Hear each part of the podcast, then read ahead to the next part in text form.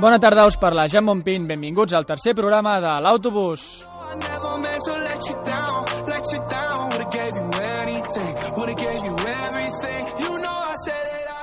Esteu escoltant Ubic Ràdio i com cada dilluns ens acompanya l'Adrià Oliveres. Bona tarda, Adrià. Bona tarda, Joan. De què parlarem avui? Recopilarem la jornada de la Premier League i parlarem sobre Brahim Díaz. També és aquí Fernando Vallespín. Bona tarda, Fernando. Buenas tardes, Jan. ¿Qué ens portes? Pues como cada, same- como cada semana os traemos un club diferente y hoy haremos un repaso a la actualidad y un poco a la historia del AC Milan.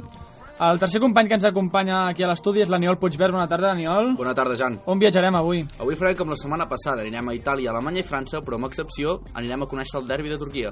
Brian Caral també amb la seva secció Cantarans. De qui parlarem avui, Brian? Bona tarda, Jan. Avui parlarem de Marc Rosas, un jugador ja retirat, però crec que és interessant conèixer la seva trajectòria. I per últim, però no menys important, Òscar Grau amb el seu poliesportiu. Bona tarda, Òscar. Bona tarda, com sempre, notícies que no tenen a veure amb el futbol. A la tècnica tenim l'Àxel Boada i comencem. La selecció espanyola sub-17 es proclama campiona del món en guanyar a Mèxic per 2 a 1.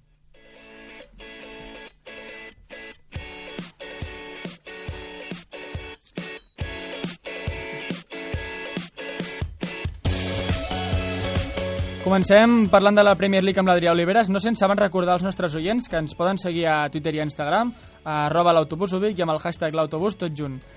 Ara sí que sí. Adrià, què ens portes? Va. Doncs parlarem de la jornada dels partits més destacats i tenim el Leicester 2 Watford 0, l'equip de Javi García perdi, perdia el partit, el Bardi feia el primer gol de penal i abans del minut 25 Mad Madison ja feia el 2 a 0 i el marcador ja no es mouria més. També tenim el City 3 Barmouth 1, partit que fins a la segona part l'equip de Pep Guardiola no aconseguia emportar-se, marcava, marcava el primer gol Bernardo Silva i abans d'acabar la primera part empatava a 1 Callum Wilson. A la segona part Sterling feia el 2 a 1 i Gundogan feia el, ter el, tercer, el, tercer, el tercer gol i el 3 a 1 final. 5 victòries seguides de l'equip de Guardiola i 12 partits guanyats de 14 a la Premier League. Sané va fer un autèntic partidàs i Guardiola l'elogiava així, dient aquestes paraules. No sé què ha menjat aquest home, però serà el menú de cada jornada. Per un Sané que sembla que aquesta temporada ha recuperat la seva millor forma després de no ser convocat al Mundial. El seguirem de ben a prop, no? Uh, és un jugador que es vol reivindicar. Què més? Vinga. Uh. Southampton 2, United 2. Partit on els 4 gols van ser a la primera part. El Southampton s'adavantava amb un 2 a 0 abans del minut 20, però el United remuntava també a la primera part, amb gols de Lukaku al minut 33 i Ander Herrera al 39. A la segona part, De Gea feia un- unes parades de mèrit que mantenien el resultat de 2. Per tant, salvant els, salvant els mobles Mourinho, Mourinho, sí. com, que- com poden, que cada setmana sembla que estan pitjor. Exacte. I recordem que aquesta setmana el United renovava automàticament a De Gea. Molt bé, vinga, més resultats. També tenim el Chelsea 2 Fulham 0, gol de Pedro al minut 4 i Loftus-Cheek sentenciava amb el 2 a 0 al minut 82. Tenim l'Arsenal 4, Tottenham 2 amb incidents. Què va passar? Ara, ara us explicarem. Emery 2, ai, Emery s'imposava Pochettino en el derbi de Londres. S'adelantaven els ganes al minut 10 amb gol de penal d'Aubameyang, però el Tottenham feia el, el 1 a 1 i el 2 a 1 i el 1 a 2 abans de la mitja part. Diri Ke- Dyer i Kane n'eren els golejadors. Els altres tres gols de l'equip d'Unai Emery arribaven a la segona part. Una segona part molt boja. Aubameyang feia el 2 a 2 i així es convertia en el pitjor de la Premier. La Caset el 3 a 2 sortint des del banqueta i Torreira feia el 4 a 2 final. Comento que va haver incidents perquè quan Aubameyang, Aubameyang feia el 2 a 2 li van tirar una pela de plàtan i llavors va haver-hi entre aficionats i jugadors va haver-hi tarangana que diríem. Bueno, sempre hi ha la cosa aquesta amb el plàtan, no?, de que està al límit del racisme. Exacte, no, sí, l'aficionat se'l va tractar de racista i se'l i se'l van endur del camp.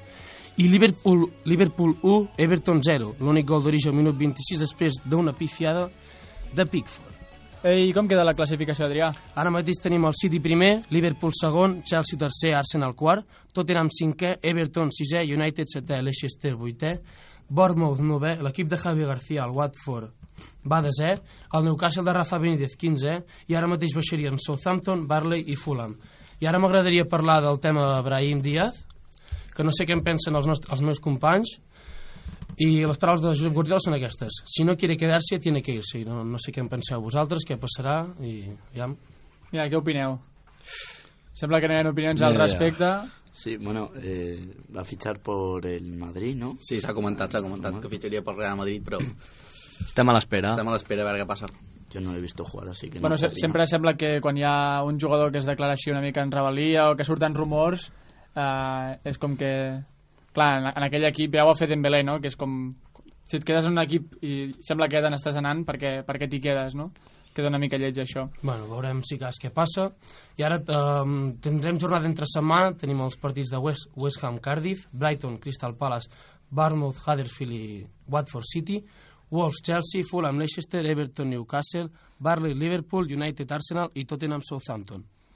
Molt bé, això és tot, doncs una Premier League que segueix apretada i divertida com sempre, amb resultats sorprenents i, i partits de lo més esbojarrats. Anem ara a parlar del Milan, anem amb la secció de Fernando al club.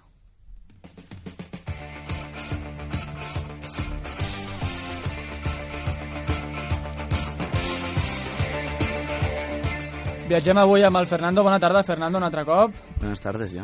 Anem cap a Itàlia, no?, a la Sí, Sèrie ¿no? A. Sí, vamos a Italia, vamos a hablar del Milan. Eh, bueno, hacemos un repaso a la actualidad. Eh, a día de hoy, tras ganar ayer 2 a 1 al Parma, el Milan se sitúa cuarto en la clasificación de, de la Serie A y en competiciones europeas va segundo en el grupo que lidera el Real Betis y se jugará la clasificación en el Georgios Karaiskakis contra el Olympiacos. Un Milan que els últims anys semblava que anava una mica a la baixa, no? inclús quedant fora de, de, la, de la Champions, però que sembla que mica en mica està recuperant la forma, a veure si comença a rendir com li toca, que és un, un club històric que per això en parlem, no? Exacto, como dices tú, la, la última década, esta década de los años 10, ha sido bastante pobre en cuestión de títulos, sobre todo si lo comparamos con épocas anteriores en los que el Milan reinaba en Europa. Bueno, eh, seguimos con, con un poco el repaso ahora de- del palmarés.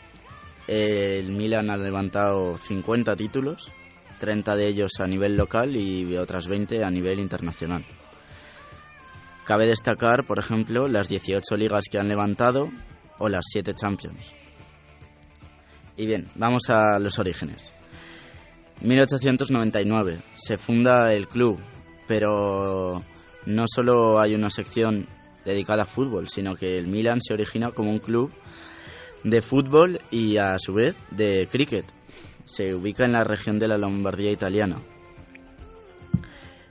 Eh, el mítico estadio del Milan, el San Siro, también conocido como el Giuseppe Meazza, se construye en 1926 y, bueno, como seguramente ya sabréis, es un estadio compartido entre los dos equipos de Milán, el Milan y el Inter.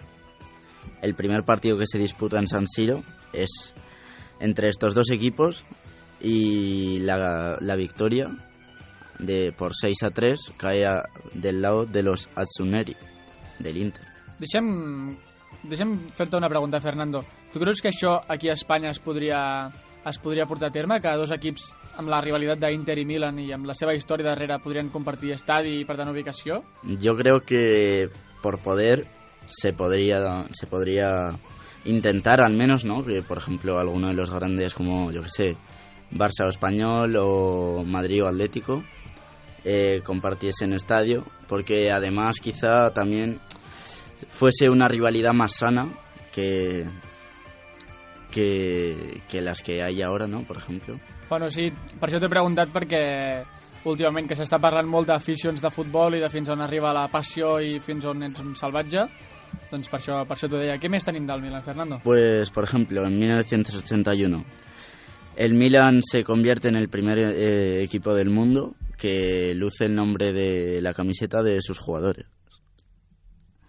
Eh, por ejemplo, también eh, los dorsales número 6 y número 3, correspondientes a Franco Baresi y Paolo Maldini respectivamente, están retirados del club. Nadie puede vestir estos dorsales a no ser que sean los descendientes directos de, de ambos jugadores. El número 3 i el número 9, has dit. No, número 6 Ah, de Franco Baresi y número 3 de Paolo Maldini. El 6 i el 3, doncs dos números que solen posar bastant, un fet Sí, bastant... sobre todo para la defensa. Sí, un, un, una, un fet peculiar que no sé si gaires clubs a Europa comparteixen això d'haver retirat samarretes. A nivell falca no amb el cap, jo, a mi no em sona cap, cap club que ho hagi fet. No, a mí, a mí también me sorprendió cuando, cuando encontré el dato y bueno, creo que es una idea original, ¿no? Por ejemplo, la, la NBA ya lo hace, retirar dorsales. Y creo que a mí, sinceramente, me gusta, me gusta la idea de, de poder retirar dorsales en, en honor a, a los jugadores más históricos del club. Sí, a mi també, però es queda una mica de la controvèrsia de fins on arriba... És a dir, aquí li retires i aquí no, i al final si hi ha uns números... Per exemple, a la Lliga Santander els clubs poden portar els números de l'1 al 25, és a la, a la Lliga Italiana, que els clubs poden portar... Bueno, el Milan, no?, amb jugadors amb el 87, amb el 89, amb el 30 i pico. Aquí la Lliga Espanyola els jugadors Sí, estan, al ob- 25, estan obligats a està al fi- 25. fins al 25, oi? Gràcies, Brian. Doncs això, com, com ho veuries tu, Brian, que retiressin i que canviés una mica la política de dorsals a la Lliga, a la Lliga Espanyola? Bé, crec que és complicat, no? Eh, perquè la veritat que és, tota la vida s'ha fet fins al 25 i crec que, que bé, de moment no s'ha plantejat, però estaria bé, no? Tenim el cas de les seccions del Barça, que, que sí que hi ha samarretes retirades i perquè, perquè poden haver els dorsals que sigui, no? Crec que el Barça s'ho haurà de plantejar en Messi, no? Perquè crec que després de Messi el número 10 no l'hauria de portar ningú. Però, per exemple, això també s'hagués plantejat amb Ronaldinho, no?, en el seu moment. I, Guinyo, i, Iniesta, Clar, Xavi... dir, eh, és això el que deia, de que fins a quin punt li retires a un o a altre, o si retires tota una generació... És complicat, també. Bé, seguim amb més dades del, del Milan, Fernando. Sí, mira, eh, acabamos ya mm, hablando de los títulos europeos del Milan, que son 14, como ya hemos dicho. Eh, es el equipo eh, que más títulos europeos tiene, después del Real Madrid. Y en su palmarés de títulos europeos habría que contar las siete Champions conseguidas, las cinco Supercopas de Europa o las dos antiguas Recopas. También, eh, para acabar, un dato curioso, los tifosi, los, los hinchas del Milan, consideran que la vestimenta visitante, la camiseta blanca del Milan, es la que da suerte en las finales de Liga de Campeones, ya que con esta camiseta han ganado seis de las siete Champions que tienen en, su, en sus vitrinas. nhi Y esto sería todo por esta semana. Molt bé, a mi m'està agafant com una, com una picor, com unes ganes de pujar a un autobús i començar a passejar per Europa. Anem amb l'Aniol Puigvert en futbol internacional? Foli Axel.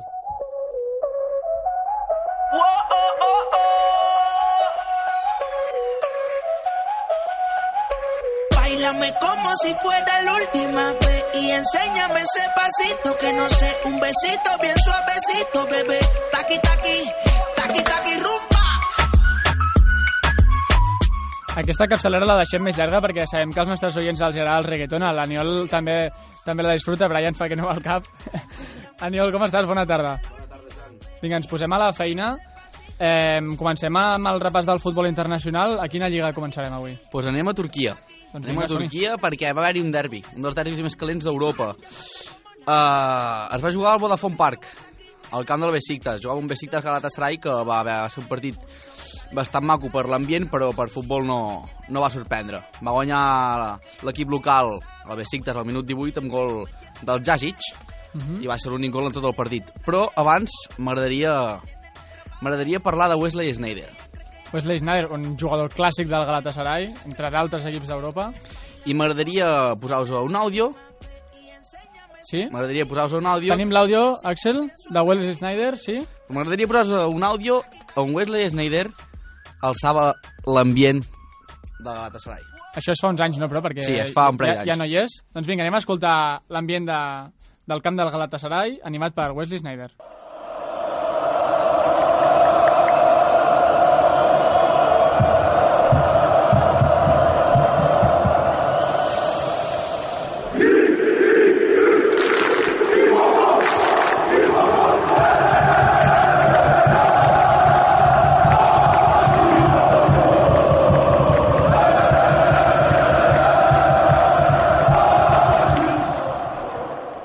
Nhi l'ambient l'ambient que respira Turquia amb el futbol també també és d'allò més bonic, eh? Espectacular.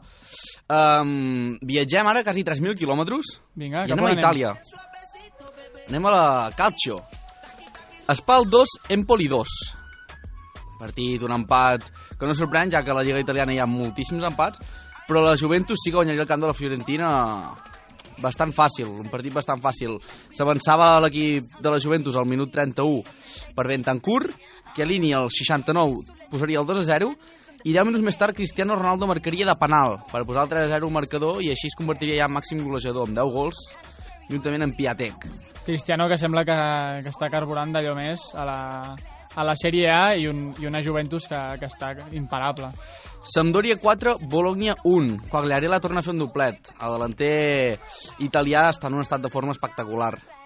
Milan 2, Parma 1. El Milan que guanya i es col·loca quart. De lo que ha parlat abans Fernando al Milan, es col·loca quart ja el Milan. A veure si podem tornar a recuperar aquelles sensacions del Milan.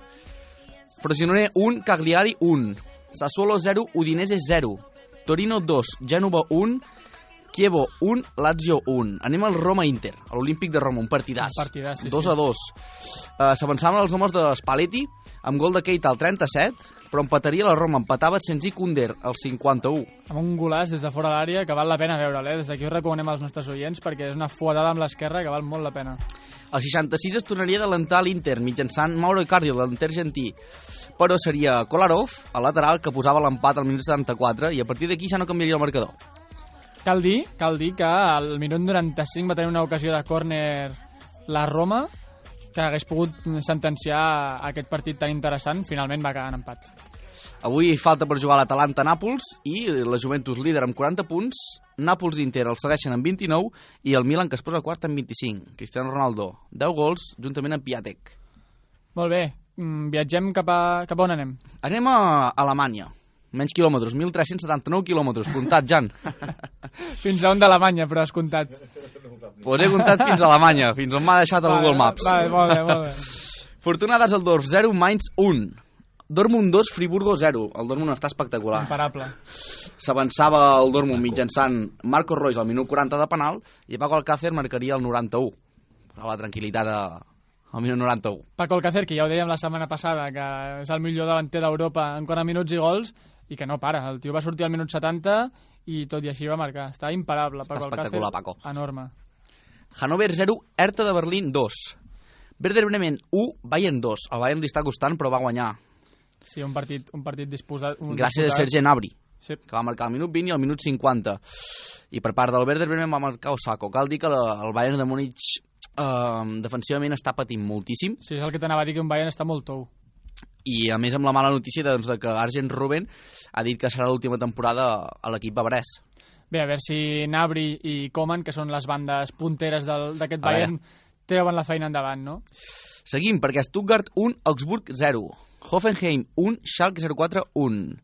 Leipzig 2, Borussia Mönchengladbach 0 i Eintracht de Frankfurt 1, Wolfsburgo 2.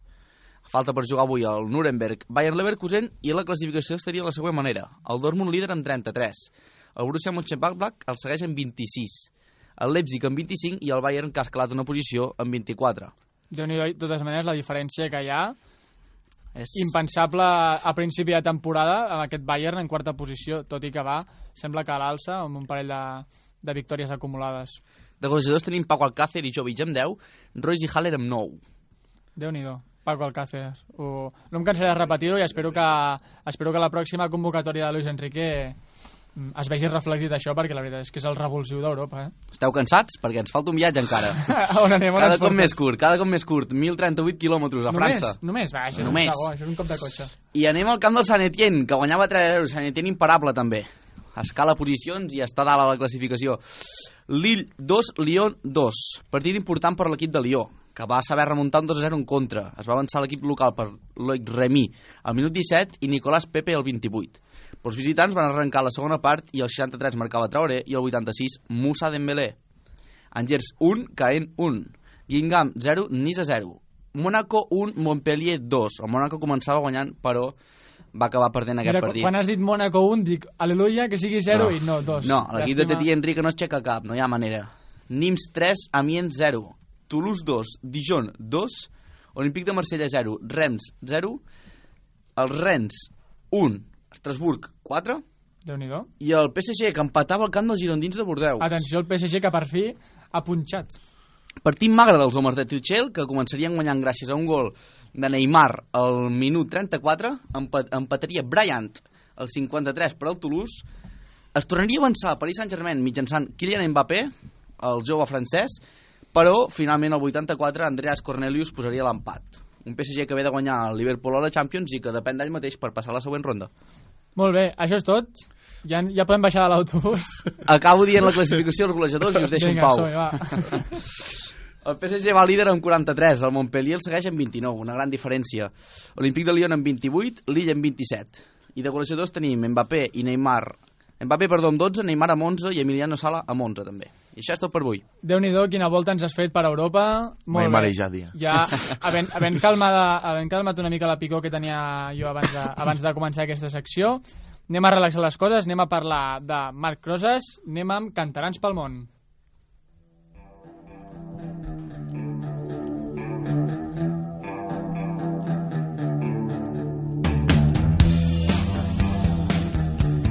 Bueno, anem amb en Brian Caral. Com estàs, Brian? Què ens portes, va?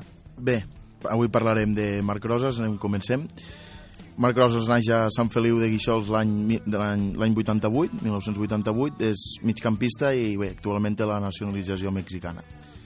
Als 13 anys entra a la Masia quan era en edat infantil fins al 2006 que arriba al Barça B. La temporada 2006-2007 debuta amb el primer equip en un partit de Copa del Rei contra, contra el Badalona. L'entrenador del Barça era Rijkaard, en aquell mateix mes el convoca per al Mundial de Clubs, tot i que no, no disputa cap minut. La temporada 2007-2008 debuta en Champions en un partit contra l'Stuttgart. Al gener del 2008 el Barça el cedeix a, a l'Olímpic de Lió. El jugador marxa amb unes paraules dient que espera tornar al Barça, però bé, això no, es va, no va poder ser ja mai. Aquella temporada acaba a l'Olímpic de Lió i, i a l'estiu el, el Barça el, el ven al, al Celtic de Glasgow. Eh, el, Barça guanya mig milió d'euros per, per aquest traspàs i el jugador firma per, per quatre temporades. La primera temporada és galardonat com el millor jugador jove del club, té, té força protagonisme al mig camp, però la temporada 2010-2011, amb el canvi d'entrenador, veuen un ostracisme. A mitja temporada marxa i bé, eh, fitxa per un equip de la primera divisió russa, atenció, que és que per llegir això, Volga Nitschkini Bueno, No ho agraïm, sé, la, agraïm bueno. l'esforç. Sí, difícil, difícil. Allí juga eh, 28 partits. I aquí comença bé un periple per, per Mèxic, no? Al gener del 2012 fitxa pel Santos Laguna de Mèxico, on guanyen un torneig nacional en una actuació molt destacada. Allí està dos temporades i mitja i bé, esdevé una, una persona important. Eh, al maig del 2014 és traspassat a los Leones Negros de la Universitat de Guadalajara, una, un altre equip de la primera divisió mexicana. Com a dada curiosa, po- va jugar tots els minuts del campionat de l'Opertura, cosa que, que no succeeix habitualment. La temporada 2015-2016 continua per Mèxic i firma pel Cruz Azul. Allí només juga, només juga set partits. Eh, torna, torna a Espanya a la temporada 2016-2017 a segona divisió amb el Tenerife. Tampoc acaba de, de ser important. A l'estiu del 2017, l'estiu passat, se queda sense equip, ell segueix entrenant, però no va tindre la sort de, de que cap equip de primer nivell, diguem-ne, es fixés amb ell ni, ni el fitxés i bé, eh, en 30 anys decideix penjar les botes i fitxa per, per una cadena mexicana, per Univision Sports i bé, ara és analista, analista de futbol i bé, fa un programa que compara el futbol mexicà que encara li queda molt amb, amb el futbol europeu, un programa bastant interessant. Mm, Una situació una mica Sí. estrambòtica, no? Un jugador retirant-se amb 30 anys, un jugador que... És que a mi no m'entra al cap com te'n vas d'un equip dient que vols tornar-hi. És a dir, Sí, en, a, puc, unes entendre, que puc, entendre que, dir, puc entendre que sigui l'objectiu d'un un jugador que se'n va fora, però vaig sentir fa poc una entrevista que li feia en Jordi Grau amb el Xavi, no sé si l'heu vist, és una entrevista bastant interessant, que us la recomano, que, que, que ho parlaven, no?, d'un jugador quan se'n va d'un lloc és que se'n va per no tornar. Vull dir, hi ha hagut casos com, com Piqué, casos així, que sí que ha tornat, com Cesc Fàbregas també, però un jugador quan se'n va d'un lloc no és per tornar. Puc entendre que sigui l'objectiu, però no entenc que ho facis públic. Sí, clar, el dia que marxes ja dius que l'objectiu és tornar i bé, la veritat que no ha tingut nivell per pa, pa, pa estar a Europa i és tot el periple que ha tingut. És que amb aquesta, amb aquesta paraula em quedo, eh? En periple i en peripècies que, Sí. que ha fet pel món. No ha tingut sort Marc Rosas, també és Sí. una, un factor que influeix molt en l'èxit del futbol. Però bé, un, un cas d'allò més estrambòtic. Bé, la veritat que és bastant conegut no, per defensar Catalunya a, arreu del territori, crec que també això li ha costat bastanta crítica. Ta- també és un factor que influeix, ha, segur. ha tingut en el Tenerife va tindre algunes paraules de, a favor de, del dret a decidir de Catalunya i crec que també va tindre problemes i ha sigut un poc una carrera complicada, la veritat. Bé, una mica, i mira que semblava que tenia, que tenia potencial i que tenia futur quan estava a la pedrera del Barça. Anem a, anem a destacar-nos del futbol, anem amb l'Òscar Grau, amb la seva secció de poliesportiu.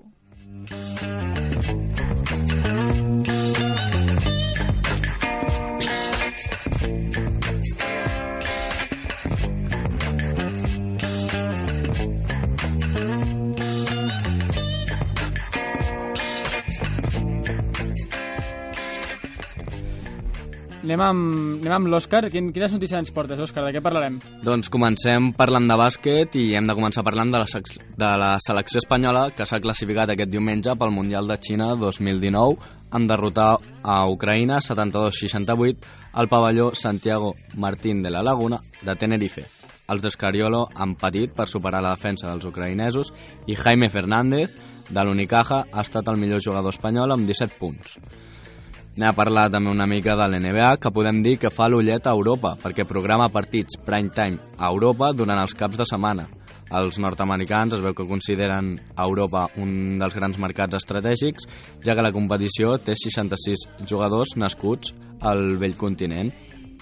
En total, l'NBA progra- programarà per aquesta temporada 42 partits en horari prime time europeu els diumenges a les 9.30 i 18 partits els dissabtes a les 11 de la nit. Els enfrontaments es podran seguir a través de Movistar Plus o, o amb l'NBA League Pass, una plataforma que no deixa de créixer. Bé, sembla que té molt seguiment a, aquí a Europa, la, la NBA, entenc, per tant, que, que ho consideren un mercat potencial, no? Exacte. Anem a repassar uns quants resultats d'aquest cap de setmana, com per exemple la, la nova derrota dels Grizzlies de Marc Gasol per 103 a 95 contra els Sixers. Jimmy Butler i Ben Simons han liderat els de Filadèlfia amb 21 punts del primer, 13 dels quals anotats a l'últim quart, i un doble-doble del segon amb 19 punts i 12 rebots. Un altre català, Ricky Rubio, que també ha perdut. Destaca en el partit contra Miami, això sí, amb 23 punts, però no ha pogut evitar la derrota dels seus, de Utah. El resultat ha estat 102 a 100 en un final par del partit emocionant en el que el català a falta d'un minut i, i 19 segons pel final posava l'empat a 100 al marcador. Seguim amb els Lakers de l'Ebron, que continuen amb la bona temporada i derroten els Suns 120 a 96 amb grans actua actuacions del propi James i Kuzma. I per últim, en aquest repàs d'alguns resultats, Harden, que lidera els Rockets amb 30 punts en la victòria de 121 a 105 contra els Chicago Bulls. Per tant, com queda la classificació? Et faig un repàs ràpid. En la conferència est, els Raptors segueixen liderant la taula, seguits de Bucks i els, els 76ers. I eh, a baix de tot, de la classificació, uns Cavaliers que encara no, No estan carburant no els estan caps. carburant i els ha fet mal la sortida de la seva estrella. En l'altra conferència, sorprenent els Nuggets liderant la classificació, seguit de Clippers, Thunders i els Warriors, que van quarts. Quarts van els Warriors. Semblava Quarts. que estaven fent millor temporada, no? Per darrere d'aquests, a cinquena posició, els Lakers i seguits dels Grizzlies de Marc Gasol. I, com estàvem dient, els Utah Jazz, que no estan encadenant ratxes positives, van penúltims i últims els Suns. Canviem Fins de- canviem d'esport? Sí, fins aquí al bàsquet. Anem a parlar una mica de motor, que ja tenim la llista de pilots per 2019 de la Fórmula 1. Et canto així ràpid per escuderies Vinga, fem un els repàs. pilots que tenim. Per Mercedes, Mercedes Lewis Hamilton i Valtteri Bottas, Ferrari, Sebastian Vettel i Charles Leclerc, Red Bull, Max Verstappen i Pierre Gasly, McLaren, Carlos Sainz i Lando Norris, Renault, Daniel Ricard- Ricciardo i Nico Hulkenberg, Sauber, Kimi Raikkonen i Antonio Giova Giovinazzi. És que és complicat, és complicat de nassos. M'he això. entroncat aquí. Uh, L'escuderia Haas, Roman Grosjean i Kevin Magnussen. Force India, Sergio Pérez i Lance Stroll. Toro Rosso, Daniel Kiat i Alexander Albon. I en l'última escuderia, Williams, George Russell i Robert Kubica. Creus que es trobarà a faltar Fernando Alonso o què? Aquest any a la Fórmula 1. Molt, molt. Fernando sempre. Vinga, passem, més? passem amb, amb l'últim esport que vull repassar avui, en l'handbol. Bé, com sempre repassem els Blaugrana, que segueixen liderant el grup de la mort. Han guanyat 41-32 al Meshkov Brest. En Parlem de, l'última parlem de la jornada- EFA, oi? De la, de de la sí, Champions. exacte, de la Lliga de Campions, en l'última jornada europea de l'any. Però haig de dir que divendres passat va començar l'europeu femení d'handbol que es disputava a França i anem a fer un petit repàs d'alguns resultats i, i de com estan els grups avui dilluns abans de, abans de, de la jornada d'avui on hi ha partits del grup C i del grup D. Molt bé. En el grup A, liderant Dinamarca guanyant els dos partits, seguit per Sèrbia, Suècia i Bolònia. En el grup B, lidera el grup lidera el grup Rússia, segon França, que va perdre el primer partit i va guanyar el segon, seguit de Montenegro i Eslovènia. I en el, en el grup C tenim Espanya al capdavant, eh, ja he dit que en aquest grup només s'ha disputat una jornada, per tant va guanyar el seu partit contra Croàcia, seguits d'Holanda, Hongria i Croàcia.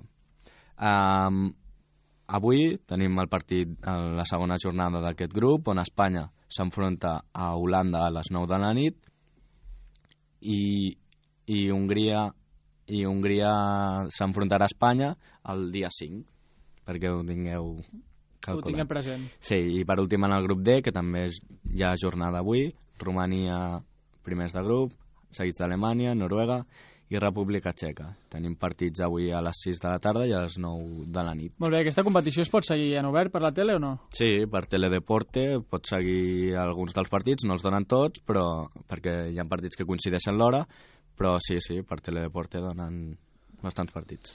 Molt bé, havent fet aquest repàs, ho deixem aquí. Uh, anem a escoltar el tema del dia. Us recordo que després tenim la tertúlia. No marxeu, perquè aquí tenim More Than You Know d'Axel Ingrosso. Foli, Axel.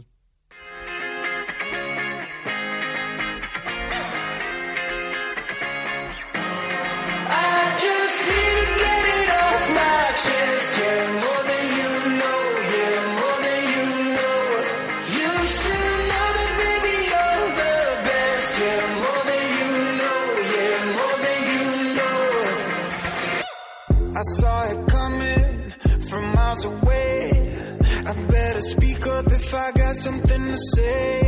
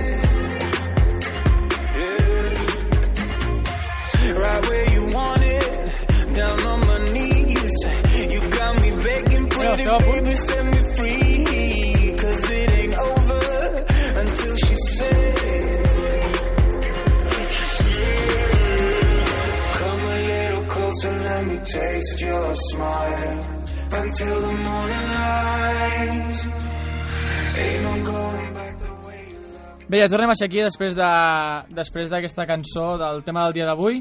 Um, aquesta jornada ja, o sigui, aquesta setmana, perdó, hi ha hagut, hi ha hagut jornada de Champions i de i d'Europa League. Farem un repàs ràpid a la Champions, però per, per centrar-nos en la, en la Lliga Santander. Uh, però bé, vaig amb els resultats més destacats. Jugat dimarts, uh, recordo que era la Champions la jornada 5 de 6 de la fase de grups, i com deia, jugat dimarts, Roma 0, Real Madrid 2, Olímpic de Lió 2, Manchester City 2, Juventus 1, València 0, Manchester United 1, Young Boys 0 i Bayern 5, Benfica 1. Jugats dimecres, aquest Atlètic de Madrid 2, Mónaco 0, l'equip de Titi Henry que, que està ja eliminat de la, de la Champions, Borussia Dortmund 0, Bruges 0, PSV 1, Barça 2, Tottenham 1, Inter 0, PSG 2, Liverpool 1 i Nàpols 3, Estrella Roja 1. Uh, com queden els grups? Tenim ja classificats per vuitens, tenim l'Atlètic de Madrid, el Borussia de Dortmund, el Barça, el Porto, Schalke, Bayern, Ajax, Manchester City, Madrid, Roma, Juve i Manchester United. Queda per decidir i m'agradaria que ho comentéssim amb els companys que tenim aquí asseguts a la taula al grup del PSG, Liverpool, Nàpols i Estrella Roja. Heu seguit aquest grup de la Champions? Sabeu com està? Sí. Com queda tot, la, tot per decidir en una última jornada? Qui creieu que es classificarà? Es poden classificar tres, o do, dos, dos d'aquests d'aquests tres. Queda el PSG, Nàpols i Liverpool. Jugant PSG contra Nàpols, el que guanyi es classifica. No, m'equivoco? Jo, Sí. El PSG Estrella Jo crec que és, no? És Liverpool- Liverpool, Liverpool, Liverpool, Nàpols. Anfield Val, i PSG. doncs el, el, que, el que guanyi, Roja. qui creu que guanyarà? Liverpool. Liverpool en A, casa... a priori, a priori guanyar Liverpool, veurem què passa. Jo sincerament crec que passarà Paris Saint-Germain i Nàpols com a segon. Sí? Creus que guanyarà Nàpols, per tant, o que empataran, Sí, perquè. Nàpols O empataran. Nàpols en empat li val, sí. Li, li serveix l'empat. Molt bé, dels, altres, dels altres grups, com vau veure el Barça contra el PSG, un partit bastant discret, bastant avorridot, com, com ho vau veure? Molt, Bé. molt sosset. La veritat que sí. Eh, el Barça no estava al seu millor moment i crec que va guanyar pels pals, no? Si no arriba a ser pels pals, no, no ho hagués guanyat. Moltíssimes oportunitats del PSV. Moltíssimes. Sí, i, eh, Moltíssimes. No, un Li van Barça que sembla que concedeix molt en defensa. li arriben molt fàcil i bé. Y que en ataque tampoco tenía nadie. No tenia una referència. No, no brilló nadie arriba. Em sembla que el, els equips estan, estan començant a trobar l'antídot per, per aturar aquest Barça de Valverde amb aquest 4-4-2 raro que juga. Um, bé, aparquem això, ara, ara hi tornarem quan, quan repassem la Lliga Santander. Uh, Real Madrid, que ja és líder del seu grup i classificat per vuitens, tenia un grup a priori uh, senzill, contra la Roma 0-2 a fora de casa. Sembla que la Roma només es motiva contra el Barça, no? Què passa aquí? És que si el Madrid arriba a tindre el grup del Barça, no sé si hagués passat. No. Bé, el Madrid, en l'estat que està la Lliga, el que passa que el Madrid ja sabem que és l'equip de la Champions, no? Vam veure l'any passat que en Lliga va fent, Sí, però la Champions es posa les piles. crec que el Barça a la Champions ha estat bé menys aquest últim partit, que va ser un pitjor, però els demés partits ha estat bé. Però bueno, l'important és que l'ha guanyat al final. Si estàs mal en un partit Sí, però sí, guanyes... siguent Sí, resultadistes, al final importa, importa el resultat. Um, anem a destacar els resultats d'aquest cap de setmana de la Lliga Santander. Divendres vam tenir un Rayo 1, Eibar 0. El dissabte es va jugar el Celta 2, Huesca 0, Valladolid 2, Leganés 4, Getafe 3, Espanyol 0 i Real Madrid 2, València 0. Ahir diumenge, jugats ahir, el Betis 1, Real Societat 0, Girona 1, Atlètic de Madrid 1, Barça 2, Villarreal 0 i Alavés 1, Sevilla 0. Ah, no, perdó, No, un. perdó, perdó, Sevilla 1, exacte. Ho tinc malament al guió. Avui, dilluns, a les 9, es juga al Llevant Atlètic Club. Us volia fer una pregunta abans d'entrar a repassar els resultats eh, més destacats. Per què l'Atlètic Club juga sempre en dilluns, ho sabeu? Sí, perquè no És juega com, és com l'any passat al Betis, no? Suposo L'any que- passat el Betis cada, cada setmana jugava molt El. Real Viernes setmana. Balompié li diuen. No? Sí, Viernes, Real Viernes Balompié, sí, sí. Però bueno, eh, si ens volen tornar a posar a jugar els divendres o, o dilluns i tornar a entrar a Europa League, que ens hi posin. Que valgui la pena, que no? valgui tant i tant. Sí. Suposo que és Va. per audiència, eh? Home, A l'Atlético no, no li va tan bé, eh, jugar aquest... Ah, i a l'Atlètic, perdó. No, No, li va tan no li va bé, bé, eh? no. No. Estan aquí lluitant per L'aigua al coll està a l'Atlètic aquest any, Igual que el A Villarreal. veure, a veure. efectivament. Bé, aquesta setmana, pel que ens incumbeix, eh, destaquem primer el, el Madrid 2, València 0. Què, què us va semblar el joc del Madrid? Sort, Somriures sort, tensió. sort que estava sopant i bé. El partit va ser bastant fluix. I el València, ja ni te dic, va jugar aquí al final eh, a tindre dues ocasions que no.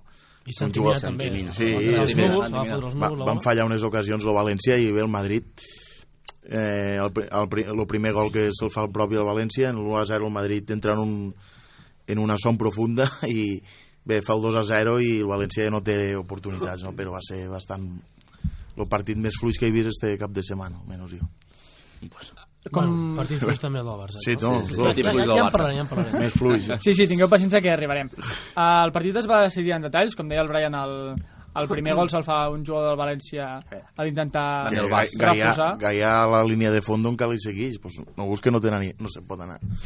Però el partit, com, com, com deies, va decidir en petits detalls com això, com al minut 83 amb un València a l'atac, doncs una jugada al, a la contra del Madrid que acaba rematant Lucas Vázquez a gol.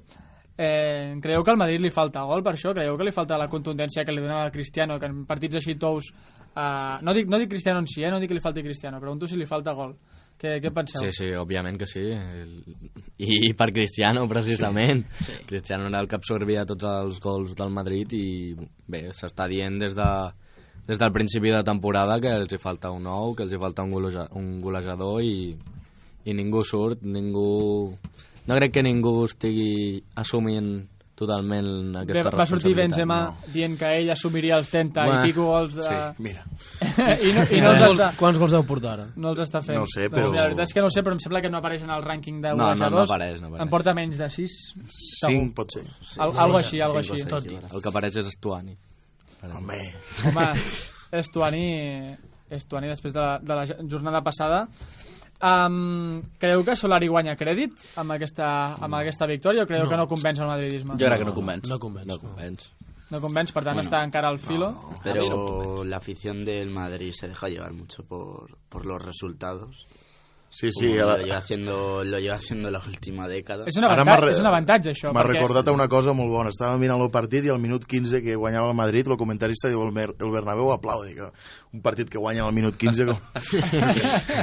Y sabiendo cómo vienen también. En canvi, el, ca... o sigui, el Barça, normal, jugués el Barça està en mal estat i ja van veure el camp que només va estar pendent de Dembélé, que va fer un gran partit abans de que m'ho digues, Fernando. Brian, Brian, tens ganes de parlar del Barça? No? Un Però poc, jo, jo parlaria abans de l'Espanyol. Sí. Jo parlaria abans de l'Espanyol. Sábado, Estem començant amb els partits del dissabte, ara de l'Espanyol. No? Sí. Um, mira, tenia previst parlar del primer del Barça 2 Villarreal 0, però en vista del públic ja diré, ja em perdonaràs, anem primer a fer una mica de mal a, amb aquest, amb Sí. aquest Getafe 3 Espanyol 0. Anem, Si fem un prederbi millor? En parlarem després. En També, parlarem perquè- després. Aparquem calma. el partit. El Getafe en tota la temporada no tornarà a marcar tres gols. Ja t'ho dic. Fem el, el prederbi vindrà després de la publicitat, si no t'importa. Perdó, perdó. Anem primer a repassar aquest partit de- d'aquesta jornada. Segon partit de l'Espanyol, encaixant 3 gols. Té problemes defensius l'Espanyol? És evident. És evident. No, és evident, no. No, és, encaixes tres gols. Bueno. Sisplau, sisplau, ja. deixem que parli És el, el, el nostre tècnic especialista. és complicat, no? La, la primera part vam sortir bé, no? De, deixant que el, el rival arribés poc a porta. Arribés poc a porta. La segona part sí que vam sortir més adormits, el Getafe va sortir molt enxafat, el Getafe. I ens va, ens els va, ens va fotre ben fotuts, que diríem, no? No va crear ni una Bé. I nosaltres vam crear dos ocasions No, no, res, i, res. i poc més. En tot el partit, dos Vam estar a ocasions. punt de marcar, eh? Vull dir, alguna, sí, vam, mira. alguna vam crear. Però ja... eh, Sisplau, tota un moment. Brian, m'agradaria que recitessis l'alineació dels tres golejadors. Te la sabies a la memòria Hòstia, abans? abans ara no Ja te n'has oblidat? No, ja m'he Va oblidat. marcar Jorge Molina, no? Jaime Mata, Jorge Molina i Damián I. Antunes, Antunes. Antunes. L'últim l'últim gol d'Antunes sí que me'n recordo, sí. És veritat que els tres gols arriben a la, a la segona meitat, part, sí. però una primera part bastant avorrida si l'Espanyol va fer dues ocasions en tot el partit. Creus que... No va ser l'Espanyol de les últimes jornades, bueno, ni de la penúltima, perquè també la de la penúltima? Sí, Bueno, l'Espanyol... al camp del Sevilla sí. Al camp del Ah, Sevilla ah, sí que va ah, ser... Cuidado que ja... no? I entra la decadència de l'Espanyol eh, esta setmana. S'ha de vigilar, perquè- No, la setmana que teniu un partit fàcil, diria. Al Sí, camp. sí. Fàcil, fàcil. I el que passarà. Què, què necessitaria l'Espanyol per ser un equip regular i poder estar a dalt de la taula? Perquè és el que tot, tot equip necessita, no? Eh, sí, doncs vigilant... a- És bàsicament no dormir-te, que diríem, no? A la segona part surts adormit i no, i no aconsegueixes treure el partit endavant. Però si l'Espanyol va sisè, no? Va Sí, sí, no, eh? però Va l'equip que té, què més vol? Portem tres, tres jornades sense guanyar i Bueno, però, el a segon. veure, ara us venen dos partits complicats. Us ve el, el Barça, ve el, Aneu al camp, no, no, i aneu al camp del Cádiz, Primer Betis. el Cádiz di- dimarts. Bueno, sí, Copa. I després ve el Betis. Que si us Ja eliminen, veurem. poden eliminar, que aneu en desavantatge a la Copa, també. Sí, però juguem a casa, tenim una afició. Bueno, i ja, ja ho avançàvem aquí, quan l'Espanyol mira cap a dalt, mira cap a Europa, Pum, doncs en terra. Sí, sempre, sempre que ja està a punt de tocar-ho, no? dos xuts a porta només Però- eh, contra el Getafe. Parece que el problema es que que no, no saben crear oportunidades aparte de, de Borja Iglesias. Es decir, No, sí, Sí, ho, vaig comentar, ho, vaig, Sí. ho vaig comentar la setmana Sí, passada, la fa setmana dos. passada eh, ja només tenim Borja Iglesias que, que creï perill. Eh, doncs falta un, un altre delanter punta. Que diria. igual... Cuidado que està en venta espanyol- l'Espanyol. Sí, igual el Espanyol Sí. puede aprovechar... La meitat, la meitat de les accions. La meitat. La meitat, la meitat. Poder, poder t'agradaria recuperar l'amic de Gerard Piqué, Gerard Moreno. Oh, oh, oh. Uno di noi. Ara, ara parlant, de, parlant de Gerard Piqué i Gerard Moreno, Vaya, anem, vaya. anem a abordar ja el Barça i Villarreal, que ens estem fent a sobre. Què, què us sembla que comencés Valverde amb el mateix 11 contra, que contra el PSG? Convenç o no convenç? No convenç. Jo crec que no tenia tampoc gaires altres És que és alternatives. això, qui havia de posar... No hi ha ningú més. Doncs Coutinho, que està fent Sí, una, de Coutinho. moment Bueno, es- o Rakitic. desastrós. Jo hagués posat a l'Enya de titular, per exemple. Dembélé ara està agafant el rol, no? I si menys no, els canvis. No... El Fatar. Bueno, ja, ja ho veu escoltar al Camp Nou quan va canviar Arturo a, Vidal. Arturo a Vidal. Vidal. Estava Sí, fent, però- No estava fent mal partit i en canvi al costat tenia Rakitic que... I a Coutinho, que... Vaig a, llançar, que sí, una, que sí. vaig a llançar una pedra a favor de Valverde, pobre, que el m'aixequem. Crec que lo, lo dimecres té, té un partit el Barça de Copa i crec que Valverde podrà fer poques rotacions per la normativa Sí, que hi ha a Copa del. Rei i crec que va canviar Arturo Vidal perquè Arturo Vidal jugarà el dimecres i, i en cas de que hagués passat alguna cosa, és que clar, el Barça Sí, s'està però- quedant sense bueno, jugadors Però el partit no estava resolt, anaven ja tens 1 raó, a 0. tens has raó de que, pensar que el en moment no, partit. no és adequat però bé, pot pensar en això també, no ho sé Sí. El que, el que a mi m'estranya és Rakitic, no sé, no està, encaixant, no està Ahir va aconseguint estar- bons partits. ahir va estar millor, però... Va estar millor, sí. Y sí, sí, ayer no, però- Busquets se contagió Busquets de- també. del mal estado També, de també. Rakitic. Porque Sí, sí, sí. Som massa... Clar, sempre anem falta de recanvis, falta de rotacions... Los del Barça sempre anem a la llança, tu. Què us, No, què us va però, semblar el bueno. joc del Barça? Veu trobar a faltar va. Arthur, potser? Jo vaig trobar un partit Un tant van avorrit. faltar m- moltes coses, bastant avorrit. No van passar gaires coses i, per exemple, eh, Càceres, Que Déu-n'hi-do, déu 35 faltes podeva fer el nano i ni una targeta, home.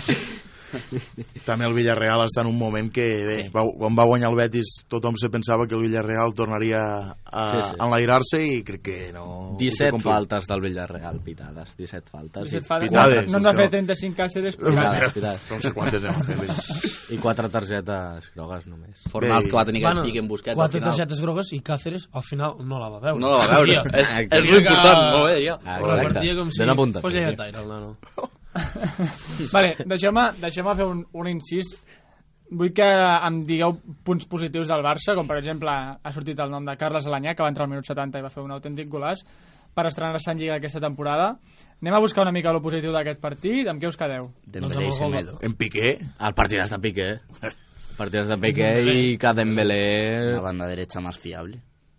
Dembélé y Semedo hicieron una, una gran combinación. La primera parte estaban haciendo lo que querían ahí en la banda derecha.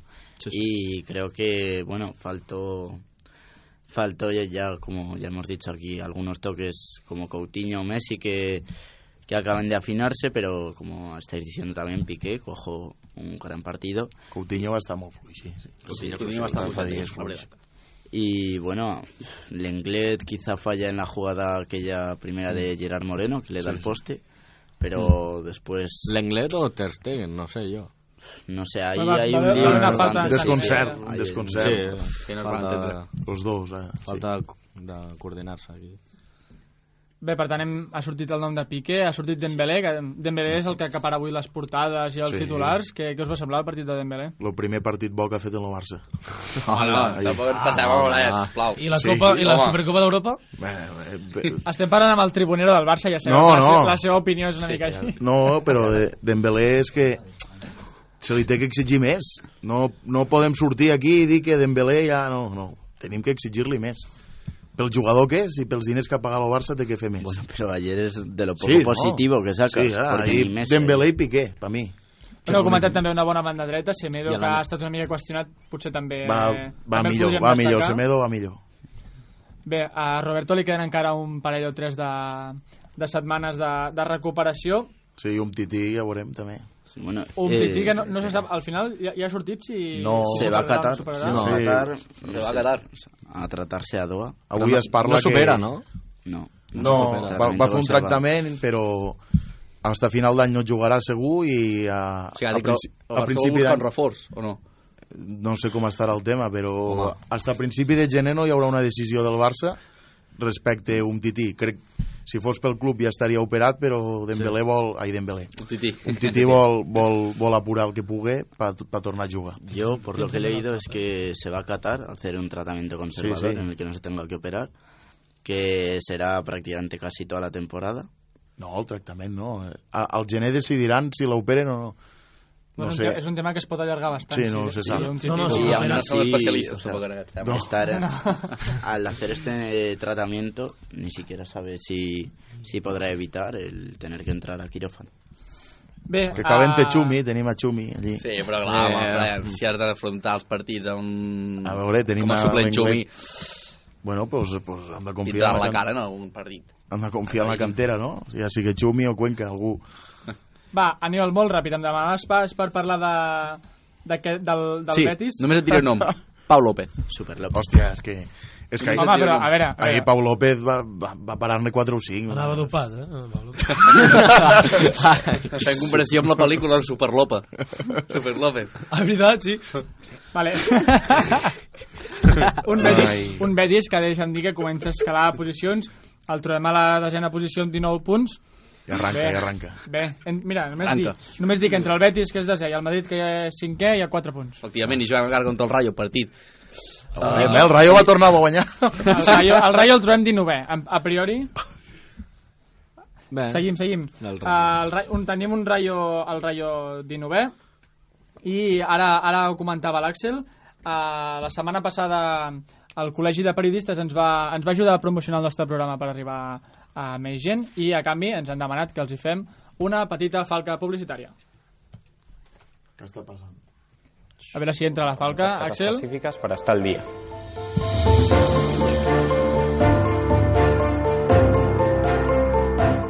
Vull fer pràctiques als mitjans i no sé com fer-ho.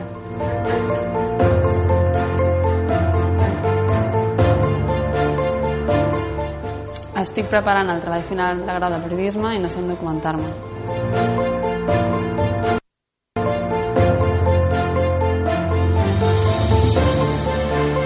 M'agradaria intercanviar experiències amb professionals del periodisme.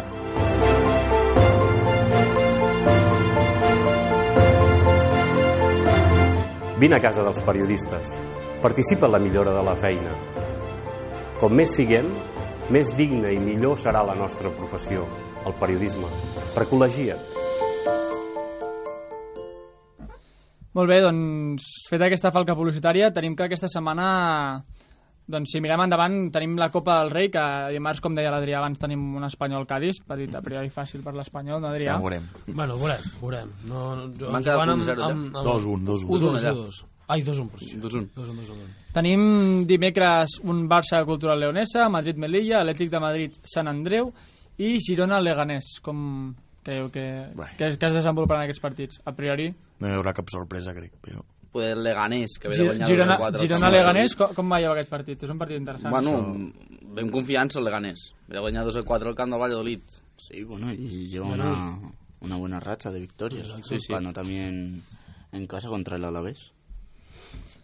Molt bé, tenim Lliga Santander també la setmana que ve. Dissabte tenim Atlètic de Madrid a l'Alavés.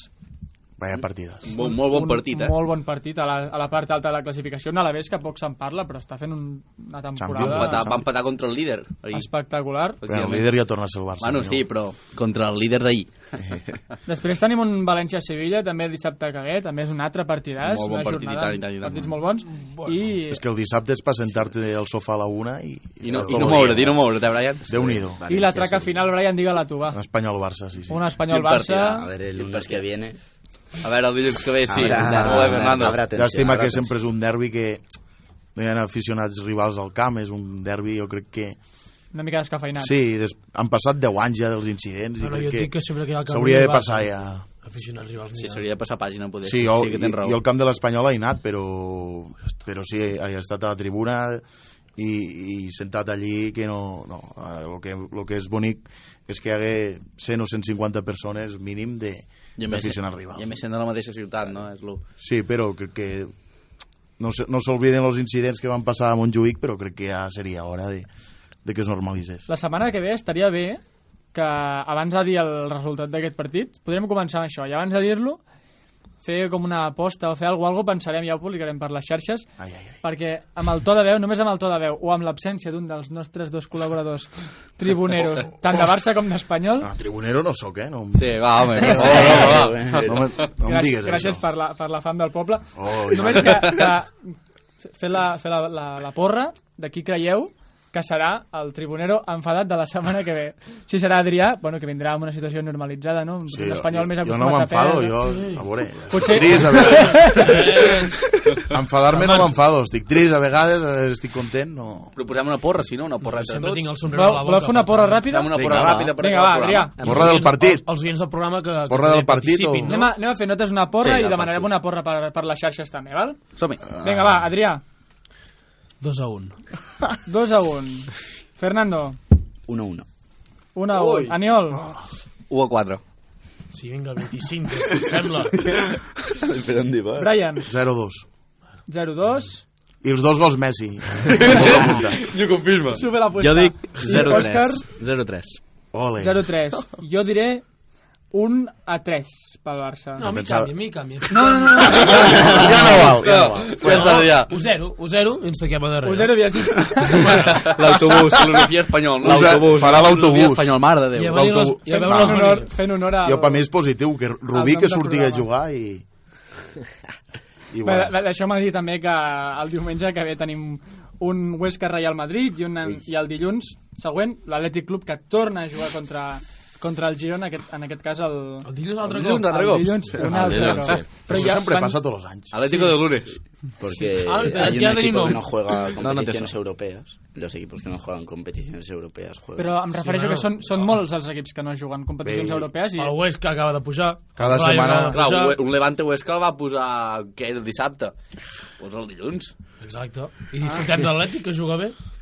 Bueno, Bueno, bueno. bueno. Bueno, això Ah, juga bé relatiu. ja. no, No, no, jugar juega està bien. jugant No- bé, però els no resultats no l'acompanyen. Discutible. eh? També, sabeu dir-me en quina posició... agafats de la mà resultat i... Adrià, i saps, saps dir-me en quina Jo posició sí. està l'Atlètic? 18. 17. 17. No, va. 17 Villarreal. 18, 18. 18. 17 18, Villarreal, ja? 18 Atlètic Club. Mare meva. Ara baixaria Però l'Atlètic. a falta donar Vinga, jornada. al final de Ara és Bilbao, ara que ho dius, és un No dels tres, mai. un dels no tres equips mai, que no no baixa baixa mai. Juntament amb Barça i Madrid. Mira, ja, ja tenim el primer any aquest. No, no, veure, negatiu.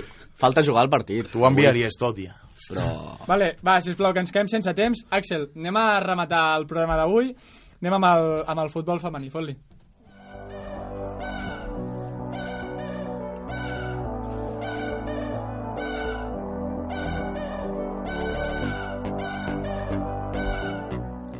Bé, com hem, com hem comentat al principi del programa, la selecció espanyola sub-17 va guanyar el Mundial que s'està bueno, s'ha disputat a Uruguai en vèncer Mèxic per 2 a 1 amb un doblet de la lauranya Clàudia Pina a la primera meitat. Una Clàudia Pina que, per cert, ha sigut nombrada millor jugadora del Mundial i que ahir feia aquesta valoració de l'èxit aconseguit. Aún cuesta, aún no te lo crees, pero sí, poco a poco eh, te crees que, eres- que has hecho historia. Sí, la verdad que toda España está subiendo muchas cosas, están con nosotras y, y nada, se está reflejando en redes sociales y tanto lo personal, también la gente que te escribe, que te quiere, que tu familia y todo, pues nada, muy guay. Yo a mi familia y a la gente que me quiere y nada, ya dije que a mi padre, sobre todo ayer, los goles porque era su cumpleaños y vino hasta Uruguay a verme. Adrià, vols comentar alguna cosa? No, no, només volia dir que aquesta noia, que acaba de ser campiona de... Campiona del món. Del món. Campiona del sé, món sub-17. No, la veig feliç, com, no, la veig com apagada, no sé, eh? Potser, Al meu potser, punt de vista. Però... Potser, és, potser és la ressaca del dia següent. També, no? també, també. Bueno, També, perdó, també. estem parlant de menors, eh? Sub-17. Uh, això, tirem la música de fons, que acabem fent el repàs de, del Barça 3, Granadilla, Tenerife 0. Uh, en aquest cas, partit que va dominar, que va dominar perdó, de principi a final de les Blaugrana, amb, un, amb molt domini de la pilota, que pren molta possessió. Aitana Bonmatí, que segueix en ratxa, va firmar dos dels tres gols i és la màxima golejadora del Barça, i de la competició empatada amb altres quatre jugadores a 8 gols. L'altre gol el va fer Alexia Putelles al minut 56, la mulletana va rematar sola dins l'àrea una pilota centrada per Bàrbara La Torre i la portera va fallar en refusar, introduint així la pilota a gol. Les noies blaugrana que segueixen a la casa de l'Atlètic de Madrid, que dissabte no va fallar contra la Reial Societat 5 a 0 a casa. Les matalasseres queden, per tant, líders amb 30 punts i les culers segones amb 29. La setmana que ve repassarem eh, dos resultats, perquè hi ha aquesta setmana jornada eh, intersetmanal. Tenim un Sevilla-Barça, el cap de setmana juga el Madrid Club de Futbol Femenino contra el Barça i tenim també el cap de setmana que ve un interessantíssim Atlètic de Madrid, que són líders contra l'Espanyol. És tot, nosaltres ho hem de deixar aquí, hem d'anar acabant. Moltes gràcies a tots per ser-hi. Adrià, Fernando, Aniol, Brian i Òscar, moltes gràcies per ser-hi. Gràcies, a Gràcies, Jan, moltes gràcies. Nosaltres tornem fins dilluns que ve amb tot això i molt més. Com sempre, a l'autobús. Bona nit.